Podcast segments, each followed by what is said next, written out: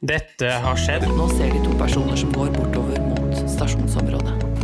En av spanerne går ut av bilen og følger etter de to som beveger seg mot Generation stasjonen. X versus Z. Sandberg Productions presenterer Den ekte samtalen om og med generasjon X og Z. Hold deg fast og nyt. Hei, hei, kjære lytter, og hjertelig velkommen til eh, dagens episode av eh, Generasjon X versus Z. Og i dag, eh, kjære kompanjong, så skal vi snakke litt om en eh, Ikke en krig, men eh, mer et opprør. Det var vel egentlig en krig òg. Ja, For det var, var, tre, var det 3000 mennesker som døde. Og titusener som flykta. Ja, det kan stemme, ja. Men jeg vil nok adressere det mer som et opprør, da. Ok. det vi snakker om, selvfølgelig, Henrik, er hva? Det er hundretimerskrigen, eller fotballkrigen, mellom eh, Honduras og El Salvador eh, i dine barndomsår. Ja da. Var jeg en liten knuttedutt og skjønte vel ikke hva fotball egentlig var. Men eh, det var altså kvalifisering til VM. VM i fotball 1970.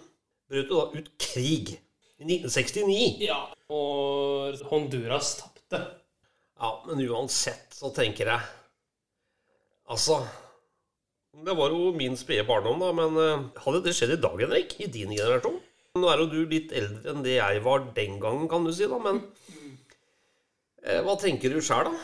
Eh, ja, det hadde nok skjedd, ja, men i, det hadde nok blitt blåst opp mye mer enn det ble. For i dag har man jo internett, eller den fjerde statsmakt, som noen vil kalle det. Og internett ville jo vært på ballet med en gang. Ja, hadde det eskalert eh, mer, eller hadde det dempa det, tror du? eller? Nei, det hadde nok eskalert, ja. Jeg har noen få utdrag, faktisk, til klipp om litt hva som skjedde, og hva som uh, danna grunnlaget da, for den krigen der. Det er jo spinnvilt. Ja, det er det. La oss høre. Honduras and El Salvador. One thing these two countries have in common is being fanatic about football. Or if you're a freedom loving patriot, soccer. But do they love it so much they would go to war over it? You bet they would, and that is no bueno. If you look at these two countries, you might notice one major difference, and that is that this one is a lot bigger than this one. However, this one had a larger population than this one, made up mostly of farmers, and there wasn't enough land for them to live and work on. So they started moving from El Salvador to Honduras in search of land, and by the 1960s, a huge number of illegal immigrants had crossed over the border from El Salvador. Meanwhile, in Honduras, it's 1963, and this guy has just staged a military coup to prevent the rise of communism and is now the military leader of the country. He immediately began harassing the peasants' unions and other left wing groups, but he's a little insecure about the legitimacy of his leadership. So he holds an election and wins, and now our economy is in ruins, and everyone started to get mad at him. Now, if you ever find yourself the barely legitimate military leader of a corrupt Central American country and you start getting into hot water, here's a bit of advice that has been tried and tested throughout the centuries blame something else. So he blamed the Salvadoran immigrants for stealing all the land and all the jobs and ruining Honduras. The immigrants found themselves under attack by the hostile locals.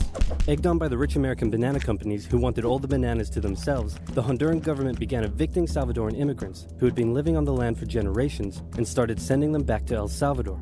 The Salvadoran elite were furious and protested, citing moral reasons, but in reality, they were just getting a little too crowded.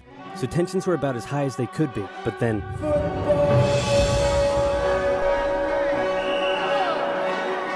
It's the 1970 World Cup qualifiers, and both countries finished top of their qualifying tables, so it was now time for them to play against each other in a series of matches. The first match took place in Honduras. The night before the game, Hondurans gathered outside the Salvadoran team's hotel, making noise and taunting them. After the match, a young Salvadoran fan, unable to bear her country's defeat, shot herself. Disturbingly, the Salvadoran government glorified the incident and made her into a national hero. And at the next game, fans brought pictures of her to the stadium. Emotions were running high as the next match took place in El Salvador, and this time the tables were turned. The Hondurans had to endure a sleepless night in their hotel, and the next day, before the match started, instead of the Honduran flag, the Salvadorans raised a dirty rag. So great job at reducing tensions. El Salvador won decisively over the exhausted Hondurans, while spectators battled in the stands. Team Honduras fled home in a bulletproof bus with rocks being thrown at them, and the Honduran coach reportedly told his players that they were lucky they lost. In response to the defeat, Hondurans began terrorizing the Salvadoran settlers even more, in some cases reportedly throwing them off their land and burning down their homes, and the immigrants began fleeing back to El Salvador. The final game in Mexico would decide who went to the World Cup. It was close, but El Salvador came out victorious, knocking Honduras out of the tournament. The atmosphere is riotous, literally, and back in Honduras, attacks on the Salvadoran immigrants further increased. This was too much for El Salvador to bear. With its people under attack and an unmanageable refugee crisis on its hands, El Salvador severed all diplomatic ties with Honduras and declared war. The football war is also known as the 100 Hours War because that's how long it lasted, making it one of the shortest wars in history. Then the Organization of American States met in a bit of a panic and unanimously agreed that war between El Salvador and Honduras was a bad thing and probably shouldn't continue. So they went to El Salvador and said, Can you please stop invading? And El Salvador declared, Not until they stop being jerks, and so the war went on. Caught in a bit of a stalemate, the situation was no longer advantageous to El Salvador, so when the Organization of American States once again asked them to stop and agreed to ensure the safety of the Salvadoran immigrants, El Salvador relented, and a ceasefire was organized on the 18th of July. Then the OAS said, Can you now please withdraw your troops from Honduras? No, please, no, please, no, please, no. Do it or we'll sanction you. You know what? Just for you, I'll do it. So El Salvador pulled its troops out of Honduras on the 2nd of August, and with casualties in the thousands, the war was over. The war left behind land and border disputes, some of which are still a cause of tension to this day. So in the end, nobody achieved anything, and there were no winners. Ja, Henrik. Og den er fotballkampen Ja. og De hadde jo én hjemmekamp og én bortekamp. ja. Også da én kamp på nøytral grunn da i Mexico. Ja. For hvem som skulle da komme videre da til VM i 1970. Bare så det er sagt, da, så er jo både El Salvador, Honduras og Mexico spansktalende land, alle sammen. Ja, av en naturlig grunn, da. Ja, det var jo eh, spanske kolonier hele Sulamitten, så um... Altså, det ble jo ikke krig av fotballkamp. Nei, altså det var jo litt sånn eh, manko på arbeid i eh, El Salvador og sånne flyktningkrise til Honduras. Og så var det noen korrupte politikere i Honduras, og så var det noe banangreier, og så ja. Det var mye greier. Ja, det var mye greier, og en av de greiene det var rett og slett at eh, Honduras de iverksatte 1962 en jordreform.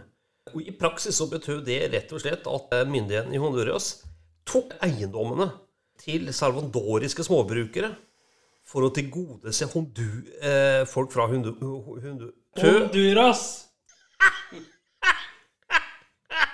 honduranske? Ja. Ok. Og det ble jo Det ble bråka, vet du. Altså, De gjorde ikke det med sånn pent pyntelig demokratiske ting. De, det var trusler, vold, og det var eh, full eh, Ikke full party, men full krig. Nærmest bare det. Ja, det er klart. eh, Og det utløste jo da flyktningkrisen fra El Salvador til Honduras på jakt etter arbeid. Man kan liksom tenke seg av 1960-åra. Det er jo ikke så lenge siden. Og så var det, ikke sant? Og tenke at dette er middelaldersopplegg. Men altså, vi i Norden oppi her, vi var ikke noe bedre, vi, altså. Nei, nei. Når du går tilbake i historien, så du skal ikke være så tøff i trynet. Syns jeg nå. Nei, vi skal jo ikke så langt tilbake eh, før det var dødsstraff i Norge, og man eh, skjøt over en lav sko, og det var eh, matmangel, og man skulle ikke så langt tilbake.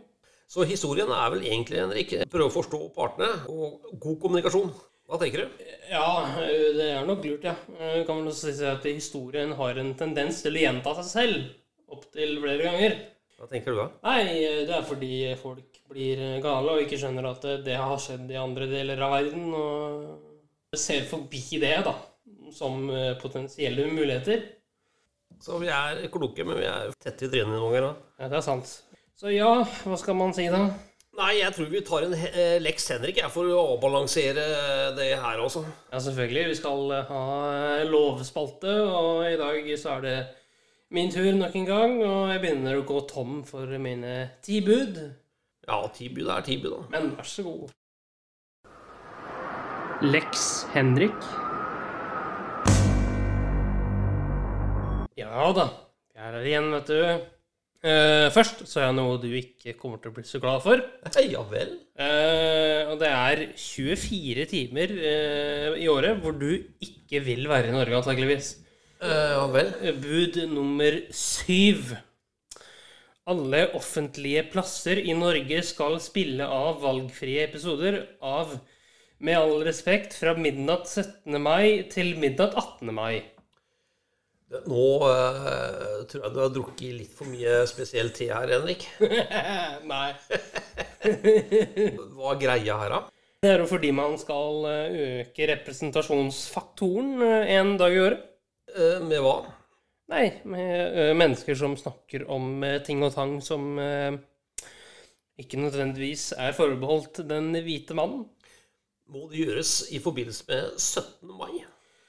Ja, Okay. For de er jo en del av det norske samfunnet og har fått seg jobber og boliger og Ja.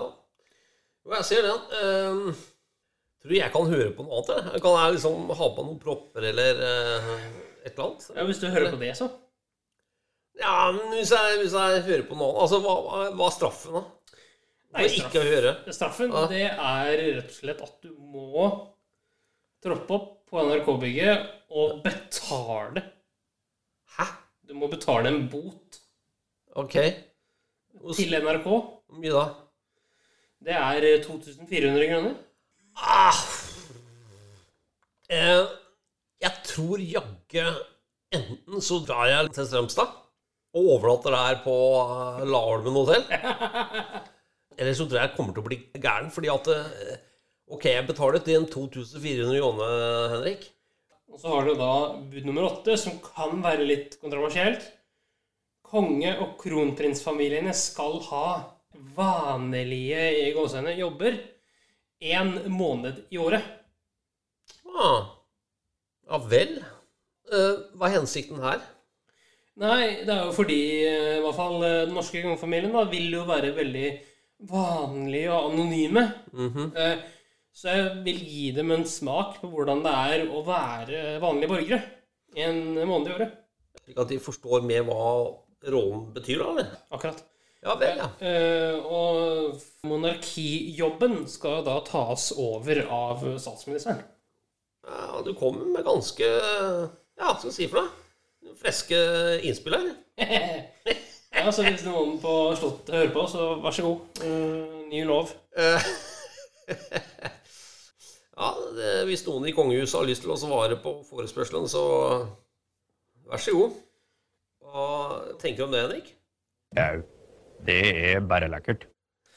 Ja, det er fint, det. Eh, vi kommer sterkere tilbake neste uke med en annen bisarr krig, eh, som ikke vet helt hva er ennå, men eh, det gjenstår å høre, kjærligheter. Vi høres igjen eh, neste uke. Ha det godt så lenge. Ha det godt. Tusen takk for at du fulgte oss. Gi gjerne tilbakemelding, likes eller kommentar på Facebook-siden vår Generation X versus Z. Velkommen igjen til neste podkastepisode. Hei då!